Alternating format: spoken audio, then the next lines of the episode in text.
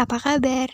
Khawatir dengan masa depan adalah pemikiran yang sering kali memenuhi isi kepala habis sekolah, mau kuliah atau kerja, selesai kuliah, mau jadi apa, gaji berapa, jodohku siapa, menikah dengan siapa. Gimana kalau di masa depan, hidupku gini-gini aja. Seberapa sering kamu kepikiran hal-hal seperti itu? Hal tersebut rentan terjadi ketika lagi melamun atau mau tidur. Terus akhirnya jadi susah tidur. Tidak jarang juga jadi merasa sedih, takut, cemas, capek ya. Hidup dengan pikiran seperti itu. Meski dihadapkan dengan kondisi yang sama, tingkat kekhawatiran setiap orang pasti berbeda. Karena setiap manusia pasti punya keinginan dan harapan ke depannya. Manusia memang penuh kekhawatiran atas apa yang terjadi di masa depan. Cemas akan hal buruk yang diperkirakan, padahal belum tentu kejadian merasa cemas, takut hal yang diinginkan tidak sesuai harapan, itu wajar. Tapi kalau berlebihan kan jadi nggak baik juga.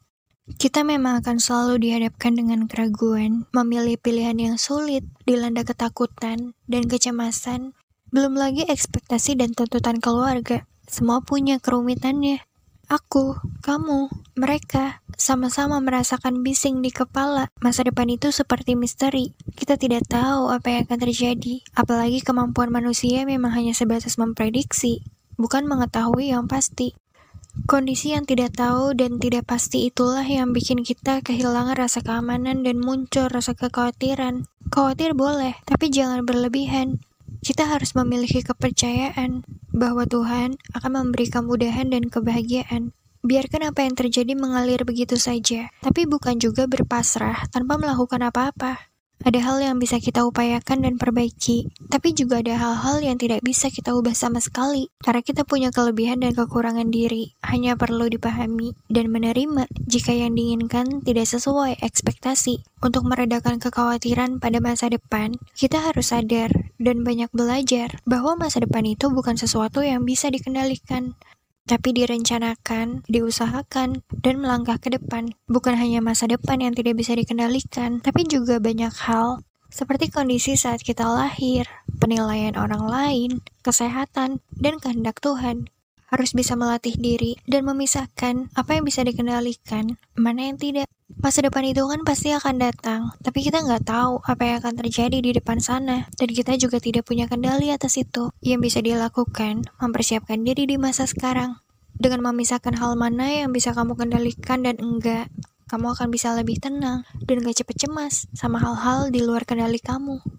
Kalau selalu kepikiran masa depan, sekarang alihkan fokus ke masa kini. Fokus sama apa yang kamu lakukan atau rasakan saat ini. Kalau punya kesadaran, tentu akan bisa membedakan hal mana yang lagi terjadi di saat ini dan apa yang menjadi pikiranmu tentang masa depan. Fokus pada saat ini dulu, menjalani dulu setiap waktu. Masa depan memang perlu dipikirkan, tapi jangan lupa kalau masa kini juga perlu dijalani. Kecemasan tidak akan membawamu ke mana-mana.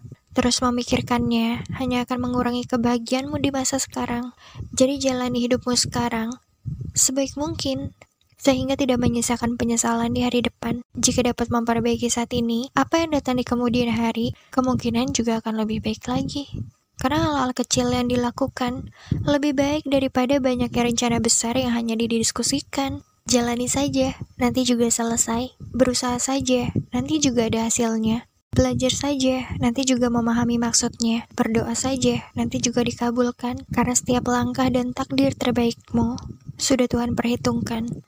Masa depan akan menjadi apa yang terjadi. Mengkhawatirkannya hanya akan membuat ketakutan, dan apa yang menjadi kenyataan terkadang datangnya dari pikiran. Kalau pemikirannya baik, pasti akan membawa hal baik. Kecemasan bukanlah hasil dari khawatir memikirkan masa depan, tetapi harapan untuk membuat masa depan sesuai keinginan.